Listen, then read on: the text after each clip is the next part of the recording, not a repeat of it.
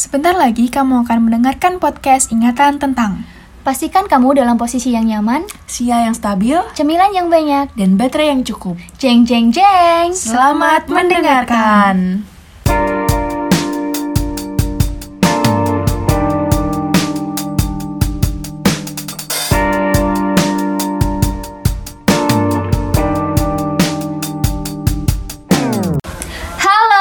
pagi, selamat siang, selamat sore, selamat malam. Selamat datang di podcast ingatan tentang bareng aku Salis dari UNS Aku Putri dari Universitas Ciputra Surabaya. Aku Fani Melia dari Politeknik Negeri Semarang.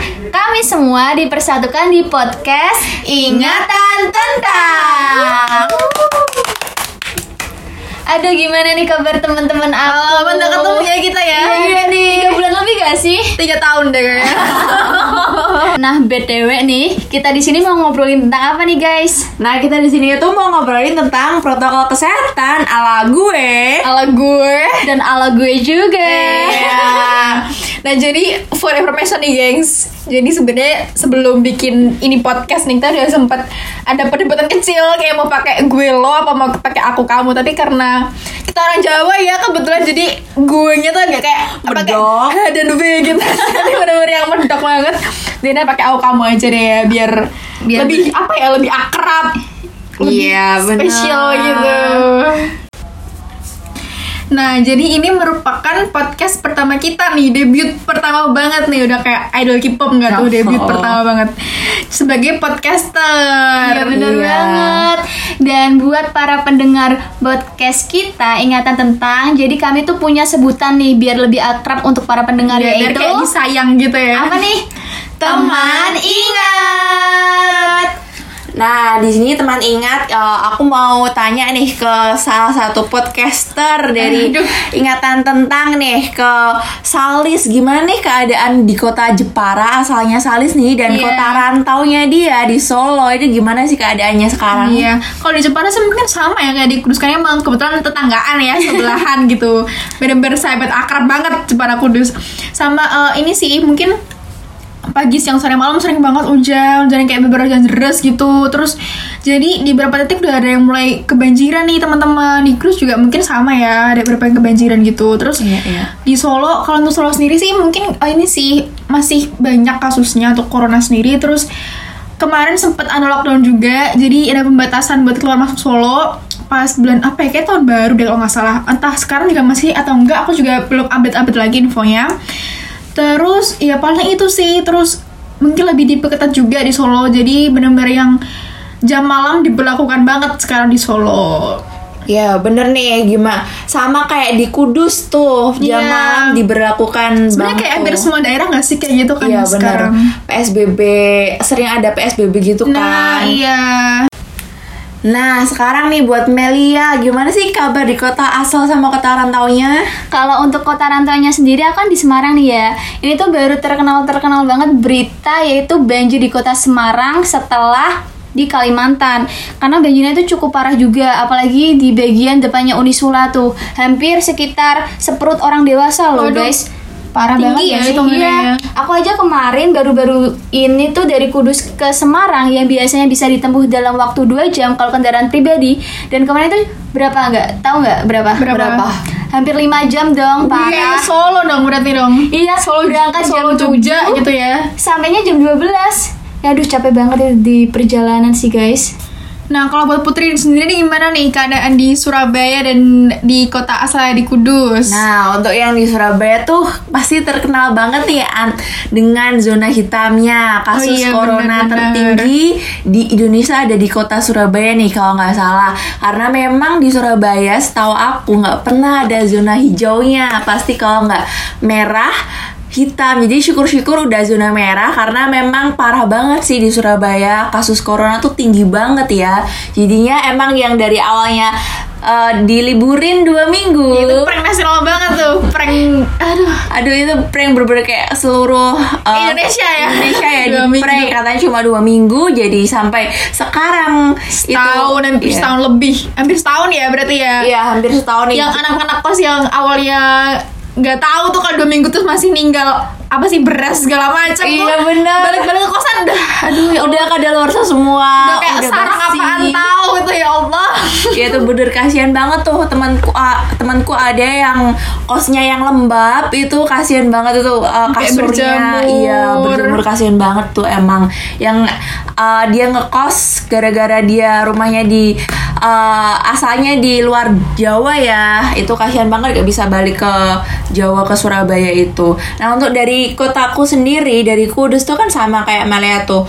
Ada beberapa titik di Kudus itu yang emang banjir tapi memang ada beberapa titik yang uh, masih aman-aman aja nih terhindar dari banjir. Dan di kota Kudus ini uh, mungkin untuk tingkat coronanya itu pernah zona merah tapi juga nggak eh, nggak jarang juga kita zona hijau. Jadi memang eh, di Kudus itu angka tingkat corona tuh memang eh, nggak terlalu tinggi ya. Iya. jadi masih sering zona hijau tapi mungkin kadang-kadang eh, zona merah juga sih gitu Aku berharapnya sih ke lebih ke zona nyaman. Nah, 420 ya. nah, semoga juga teman ingat di mana pun kalian berada, semoga selalu sehat juga ya. Dan kalau ada yang lagi mungkin terkena musibah banjir dan sebagainya, semoga segera dipermudah untuk surut dan semoga bisa menjalankan aktivitas seperti biasa lagi. Nah, ngomongin soal prokes nih, protokol kesehatan dari pemerintah sendiri udah menyuluhkan ke kita-kita nih 5M kan ya. Nah, Aduh, apa nih kak? MP yang pertama. untuk M yang pertama itu memakai masker. Gimana nih? Memakai masker ala salis. Ini aku mau cerita aja kali ya memakai masker ini. Jadi dulu sebelum eh, kasus COVID ini banyak di berbagai daerah Indonesia itu awalnya kalau nggak salah ya, seingat aku itu eh, yang pertama tuh di, di daerah Jabodetabek, entah Jakarta apa mana ya, itu sama di Solo. Solo itu udah ada kasus dua orang nih sebelum di Jawa Tengah ada kasus. Pokoknya awal banget di Solo ada dua orang. Terus habis itu, tapi waktu itu WHO sendiri belum menganjurkan pemakaian masker untuk semua orang. Jadi masih ke protokol yang ini loh, yang masker cuma dipakai buat yang terjangkit penyakit doang gitu. Oh, iya. Tapi waktu itu emang udah mulai pada kehabisan masker di beberapa minimarket karena udah ada ini kan ya panic buying dari orang-orang yang kayak aduh corona corona sebelumnya bener langsung kayak pada borong masker, pada borong Sembako sanitizer. juga. Nah, iya sempet sempet ada yang kayak gitu juga kan. Terus tapi masih yang pada Iro nggak apa-apa gitu kan slow-slow aja karena emang masih offline juga waktu itu kan Iya, masih benar. belum online. Terus tapi tiba-tiba itu ada hujan abu tuh di Solo. Itu bener-bener ya Allah keluar ruangan tuh udah hujan. Abu-abu iya, aja hujan, gitu hujan kan. debu bener-bener ya Allah. Terus akhirnya kan ini ya pernafasan juga jadi yang terganggu banget lah. Namanya debu banyak gitu. Akhirnya tuh juga sempet jadi di belakang kampus tuh udah rame banget orang beli masker dari mulai masker kain segala macam udah pada pada ngeborong lah gitu. Akhirnya pada kehabisan. Terus aku sempat nemu masker di toko langganan aku. Ternyata masih ada satu box gitu terus aku tanya kan "Ah, ini berapa maskernya? Gitu. Ternyata berapa coba ya Berapa? sepuluh ribu. Wow, mahal dan itu banget. dan itu masker medis loh gengs yang satu satu bember satu pieces doang Aduh itu bisa 10.000. kenyang nggak sih buat beli nasi padang? Iya, apalagi Solo kan makan murah-murah gitu udah bisa makan apa aja tuh sepuluh ribu. Itu jadi bener-bener aku yang aduh mahal banget. Terus kan emang sekali pakai doang kalau masker medis ini menurut aku kayak sayang banget sekali sekali pakai doang. Akhirnya aku mengeluarkan jurus ibu-ibu yang nggak jadi beli itu. Oh, Karena itu adanya masker earloop, jadi aku menanyakan masker hijab. Ada nggak masker masker hijabnya? Katanya, oh nggak ada, udah habis gitu.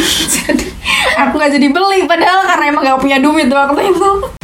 Nah ngomongin soal memakai masker, aku juga punya cerita nih guys. Pas awal-awal covid di Kudus nih, kan waktu itu belum banyak, tapi pemerintah udah nganjurin untuk memakai masker. Karena aku kategori anak yang lumayan bandel, jadi aku masih males pergi ke sana kemari memakai masker. Ini contoh yang buruk ya ini sebenarnya. Iya. Jadi pas hari Minggu kalau nggak salah aku tuh disuruh ibuku pergi ke pasar buat belanja. Aku aku ke sananya nggak pakai masker tapi tetap pakai baju panjang, jaket. Karena kamu pakai kerudung. Iyalah, bener banget. Gimana sih? Lah pas ngantri itu tuh kan rame banget kan aku udah di langganan biasa aku beli ya. Iya. Itu rame banget aku udah di posisi depan belakang tuh udah ada ibu-ibu belakang lagi ada ibu-ibu aku tuh nggak bisa keluar kalau misalnya aku belum bawa belanjaan aku eh tiba-tiba ada suara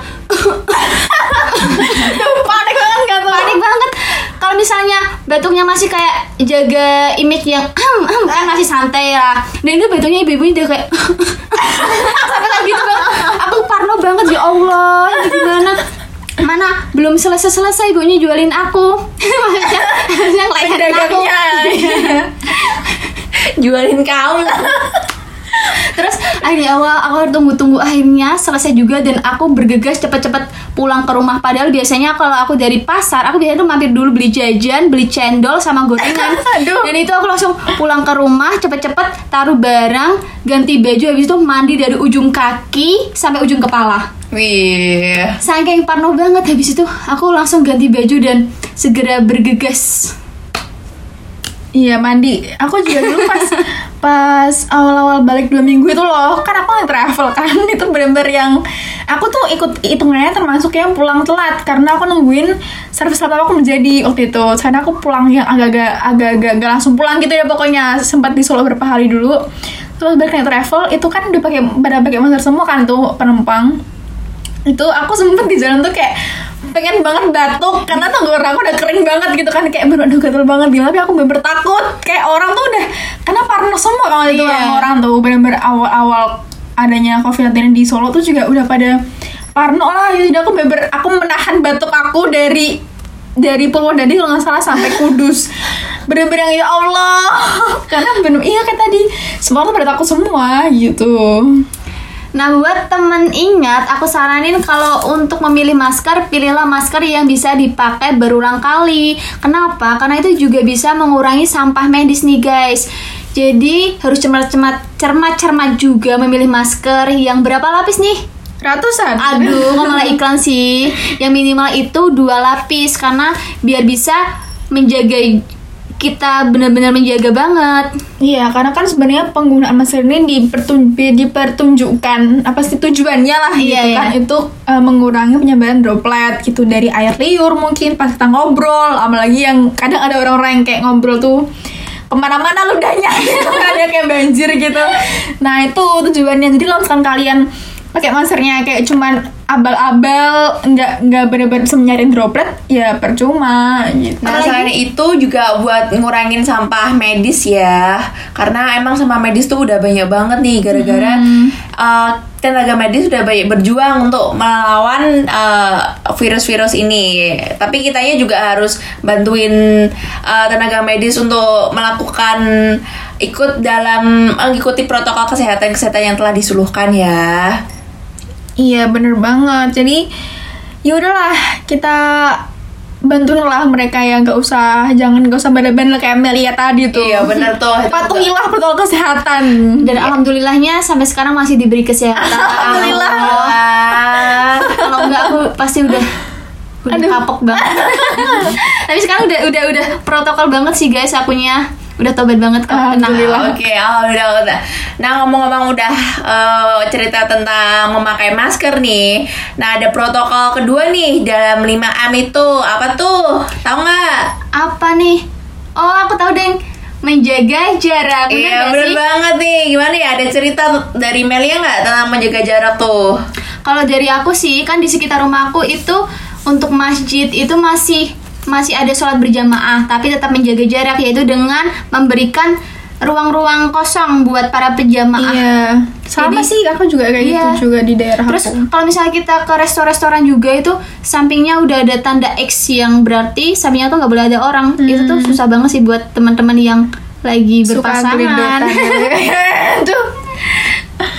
gitu. Sebenarnya emang menjaga jarak emang cukup sulit ya karena kan kita emang sehari-hari interaksi sama orang terus kan ya. Biasanya tuh sekarang harus ya jaga jarak lah gitu. Cuman ya gimana lagi deh buat emang buat kebaikan diri sendiri juga dan orang lain juga terus eh, selanjutnya nih M yang ketiga ya Iya, M yang ketiga tuh ada mencuci tangan nih. Kalau mencuci tangan ala gue tuh dari dulu aku SD udah sering banget udah disuruh mamah aku wajib itu setelah keluar aktivitas di luar ruang di luar ruangan atau di luar rumah itu selalu mencuci tangan dan mencuci kaki. Tapi bedanya nih, selama di ada pandemi ini, setelah aku mencuci tangan, aku menggunakan alkohol. Amer saya. Oh, Maaf, salah, salah, salah. Eh, itu ya, apa namanya? eh, menggunakan hand sanitizer yang beralkohol, gitu. Nah iya sebenarnya kan kalau misalkan cuci tangan sih kan bukan basic hygiene ya yang dari kita Iya, kecil benar. banget lah udah dari TK Dari mungkin TK. udah pada diajarin, ayo anak-anak cuci tangan dulu sebelum masuk kelas. Jadi sebenarnya kalau untuk prokes cuci tangan sebenarnya juga nggak nggak nggak kaget lah ya. Udah udah biasa lah dari kecil gitu. Tapi buat temen yang masih jorok sih kayak cuci tangannya pakai embun di air es, es, teh. ya, Itu apalagi di kaget lele tuh. nah itu biasanya anak-anak males tuh Iya, males berdiri gitu kan jangan diulangi gengs itu Iya, bener. harus pakai sabun dan me- benar-benar menyeluruh lah gitu tangan-tangan 15 detik minimal ya Iya benar dan diwa- kalau bisa tuh ya diwajibkan menggunakan eh, hand sanitizer yang beralkohol agar kuman-kuman mati tuh di tangan. Nah, iya. Nggak ada kuman-kuman lagi tuh dan kita imun tubuh juga terjaga tuh dari kuman-kuman di dari luar luar-luar sana tuh. Nah, untuk yang selanjutnya, M yang selanjutnya apa nih, Kak? Yang keempat nih ya, berarti yaitu mengurangi mobilitas. Yang buat kalian sendiri ini udah pernah keluar kota belum selama pandemi ini? Kalau aku sih ya udah beberapa kali sih keluar kota tapi menggunakan kendaraan pribadi, Pribadi, ya ya. dan mengat- mematuhi aturan protokol kesehatan pastinya. Nah, untuk kalian nih gimana nih? Kalau dari aku sendiri sih udah lumayan banyak sih bolak-balik ke Semarang karena aku tuh mencoba aktif walaupun kuliahnya online untuk ikut beberapa organisasi yang mengharuskan aku rapat ke Semarang. Hmm, anak pura-pura banget ya kan ya rapat Sebisa mungkin lah memanfaatkan ya. kuliah untuk lebih aktif Nah, lagi. benar. Kalau aku juga kemarin sempet sih ke Solo sekitar bulan Oktober kalau nggak salah karena ada praktikum yang mengharuskan buat ini nyari petani hortikultura. Sedangkan di Jepara kan nggak ada ya karena Mm. laut gitu kan nenek cuma nelayan menangkap ikan gitu. Terus di Kudus juga pabrik rokok. gitu kan Iya. tembakau jadi aduh gimana? Akhirnya ke Solo deh gitu. Tapi tetap pilih akomodasi yang bener-bener nggak crowded gitu. Aku pilih pakai travel kemarin yang bener-bener semobil cuman dua tiga orang doang. Jadi masih menerapkan jaga jarak dan protokol kesehatan dulu Aku juga mau ngingetin nih buat teman ingat, bolehlah mengutamain pendidikan, mengutamain organisasi, tapi juga kalian harus ingat kesehatan kalian sendiri. Aku tuh pernah dengar pepatah kayak gini, kampus tanpa kamu tuh masih banyak mahasiswa lain, tapi kamu tuh satu-satunya di keluarga kamu, sekalipun kamu kembar loh ya. Kembaran kamu ya kembaran kamu, kamu ya kamu. You are authentic. Jadi sebisa mungkin lah jaga kesehatan. Itu juga berlaku di perusahaan juga. Perusahaan juga masih banyak pegawai lain tanpa kamu, tapi kamu di keluarga kamu ya cuma satu lah. bener banget sih iya bener banget jadi itu juga sama-sama menjaga orang-orang diri kita juga ya karena kalau apa namanya kalau misalkan kita kena misal misalkan banget nih kan juga sangat berimbas buat orang-orang kita juga Iya, bener banget tuh. Nah, kalaupun sekalipun kita melakukan mobilitas pun, kita kan juga mengeluarkan banyak dana nggak sih? Iya, butuh pengeluaran juga yang Iya, banyak. pengeluaran banyak dari tiketnya, habis itu swab PCR yang, Yang mahal harganya hampir tuh. 2 juta. Iya bener, udah swab PCR-nya eh, jangka waktunya cuma tiga hari tuh ya. Iya. Eh, berlakunya. Nah juga walaupun kita nggak bisa mobilitas ke sana kemari, kita tetap harus melakukan produktivitas tuh di dalam rumah. Bisa aja melakukan podcast nih kayak kita kita. Coba hal baru. Iya, menonton film. Abis itu mengasah skill-skill yang belum kita ketahui nih sebelumnya. Iya bener banget. Aku selama di rumah tuh mencoba berbagai banyak skill dan akhirnya bakat-bakat aku mulai-mulai muncul dikit Aduh, lah. Dari belajar menjahit, melukis dikit-dikit, setelah itu belajar main gitar. Wah. Nah, untuk kalau misalnya ada yang mau jalan-jalan online nih, bisa banget tuh caranya pakai Google Map ya Iya kan? bener Mau ke Thailand boleh Korea juga boleh Iya. gitu Kalian tinggal screenshot lalu masukin ke Instagram Iya, udah berasa pergi Nggak usah, ke mana-mana. nggak usah ke mana-mana liburannya gitu Karena kan juga lagi pandemi ya Kita sama-sama nahan diri lah buat liburan ke mana-mana Karena semua orang juga pengen liburan gengs gitu kan Kayak semua orang juga stres Cuman ya ayolah kita jaga Jaga satu sama lain Ya, menjaga Indonesia ini agar tetap sehat dan eh, cepat-cepat terhindar nih dari virus Iya. ini. Apalagi kemarin pas tahun baru kan sempat melonjak banget tuh kasusnya karena Iya, emang banyak banget yang liburan. Jadi udah ya nggak usah libur-libur lagi gitu udah di rumah aja lah. biar pandemi itu nggak berlangsung lama lagi dan Nah. ini tuh udah hampir setahun gak sih guys Capek gak sih? Capek Iya. banget kan kayak kuliah online segala macam online. dan itu juga bisa berimbas kepada mental health kita Hmm. Nah, sampailah kita ke 5M yang terakhir nih. Apa tuh, Kak? itu menjauhi kerumunan Nah, sebenarnya tuh menjauhi kerumunan sama menjaga jarak tuh hampir sama ya, Kak. Iya kurang lebih sama lah, tapi lebih ditekan la- ditekankan lagi terhadap gerombolan-gerombolan. Jadi teman ingatin nggak usah lah apa nongkrong berbanyak-banyak gitu ya. Apa di, di luar rumah gitu nggak usah lah. Iya benar, jangan kamu eh, jangan jangan nggak boleh nongkrong di luar, tapi malah nongkrongnya dipindah ke dalam rumah Iya, tuh. ber 37 misalnya Eh, aja ada. gitu kan. Ber, berkerumunan juga jadi stop lah udah jangan bergelombol-gelombol dulu sekarang Iya benar tuh. karena tuh sebenarnya virus tuh nggak kelihatan bentuknya iya nggak sih Iya, iya. kita nggak pernah tahu tuh itu habis dari mana aja gitu kan ber 37 itu gitu jadi kalau bisa ya udahlah di rumah aja gitu Nah, selain 5M tadi nih, ada nggak sih protokol kesehatan yang kalian bikin sendiri buat diri kalian? Kalau aku sih ini sih bawa mukanya ke mana-mana, apalagi muslim ya, muslimah gitu perempuan. Jadi ke mana-mana kalau misalkan lagi mau sholat di mana gitu, kalau misalkan mau keluar harus banget bawa mukena sendiri. Karena kita udah tahu tuh eh, mukena-mukena di public place yang dipakai siapa aja kita nggak pernah tahu. Terus dicuci berapa bulan sekali nggak pernah tahu. Jadi harus banget bawa mukena sendiri. Kalau dari aku sih lebih menjaga kesehatan dari dalam tubuh juga yaitu sering minum-minum vitamin. Dari vitamin C, vitamin A sama vitamin E. oh aduh ya mantap Tapi tapi juga bisa nih minum dari jus. Jus apa tuh kak? Kalau aku namanya disebutnya jus diva. aduh Krisdayanti bukan Kenapa jus diva? Karena itu perpaduan dari tiga jenis yaitu apel, tomat, sama wortel. Biasanya aku minum itu setiap pagi sebelum sarapan. Jadi bangun tidur aku minum air putih dulu satu gelas, habis itu ngejus. Habis itu aku minum tuh jusnya tanpa gula. Jadi aku pakainya madu biar lebih sehatnya lebih terasa lagi. Dan jangan lupa selalu minum air putih yang banyak lah. Sehari itu yang dianjurin tuh berapa liter gak sih? dua, Dua dua liter. liter. Yes. Itu juga lebih ke ini gak sih jaga jaga makan juga lah, Iya, makan yang sehat aja gitu, jangan makan makan micin mulu gitu kan, cilor gitu. dikurangi itu dikurangi apalagi Nah. yang di pinggir-pinggir lah Nah, iya, apalagi jangan jadiin alasan kalian di rumah aja tuh jadi males dan kalian sering nge onlinein Nah, itu tuh junk food, junk food gitu Tuh, kan. aduh, jangan deh, jangan jangan terus-terusan gitu kan. Nah, kalau ala aku sendiri nih, ala gue tuh, aku selalu nyediain disinfektan di depan rumah buat kayak misalnya ada tamu nih datang ke rumahku, habis itu aku yang habis dari main dari luar, aktivitas di luar, habis itu ada, paket-paket kan kan sering nggak sih check out check out gitu? Iya, apalagi pandemi gini kan Iya, semakin impulsif boros ya. Oh iya, jari kita tuh gatel banget Nah, gitu kan kalau nggak check out gitu. Iya bener jadi paket-paket sebelum masuk ke rumah tuh aku selalu semprotin. Nah selalu aku habis itu aku jemur dulu di paparan sinar matahari. Hmm. Nah habis itu juga aku eh, baju aku setelah aku aktivitas di luar selalu aku cuci, selalu ganti baju, selalu mandi setelah aktivitas di luar rumah. Karena itu memang penting ya buat eh, kesehatan keluarga nggak cuma aku, keluarga aku Hmm. juga di dalam rumah.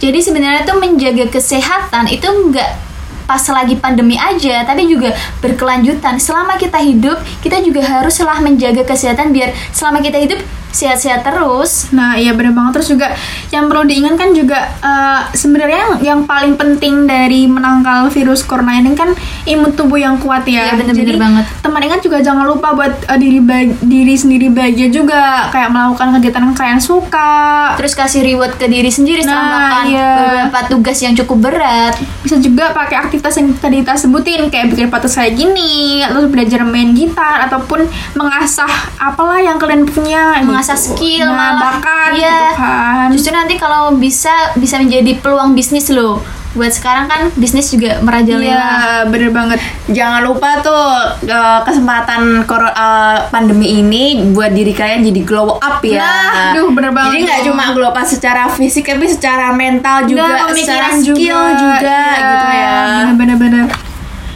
Kerasa nih udah udah cukup lama kita ngobrol ke sana ke sini dari A sampai Z Dan Iya. tertawa. Nah, semoga temen Ingat juga bisa terhibur dengan obrolan kita dan kalau misalkan aku bisa simpulin nih dari obrolan kita ini tadi yang inti dari prokes yang kita mau sampaikan adalah tentang 5M yaitu menjaga masker, me- eh menjaga masker, memakai masker, menjaga jarak, terus apa lagi tadi? Mencuci tangan, Mencuci tangan, mengurangi mobilitas, mobilitas, dan menjauhi kerumunan. Kalau misalkan teman ingat bisa mematuhi 5M ini dengan baik, insya Allah Ramadan tahun ini kita bisa seperti sedia Nah. kala bermain petasan, pengen banget ngasih lebaran kumpul sama keluarga lagi gitu Iya. kan dan Makan bisa lah insya Allah Indonesia bisa cepet pulih kayak dulu lagi Amin. Amin.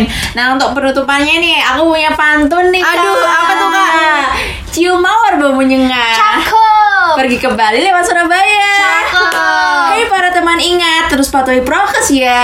Yeay. Karena kalau bukan dari sekarang, kapan lagi? Kalau bukan dari kita, siapa, lagi? Sampai jumpa. Dadah.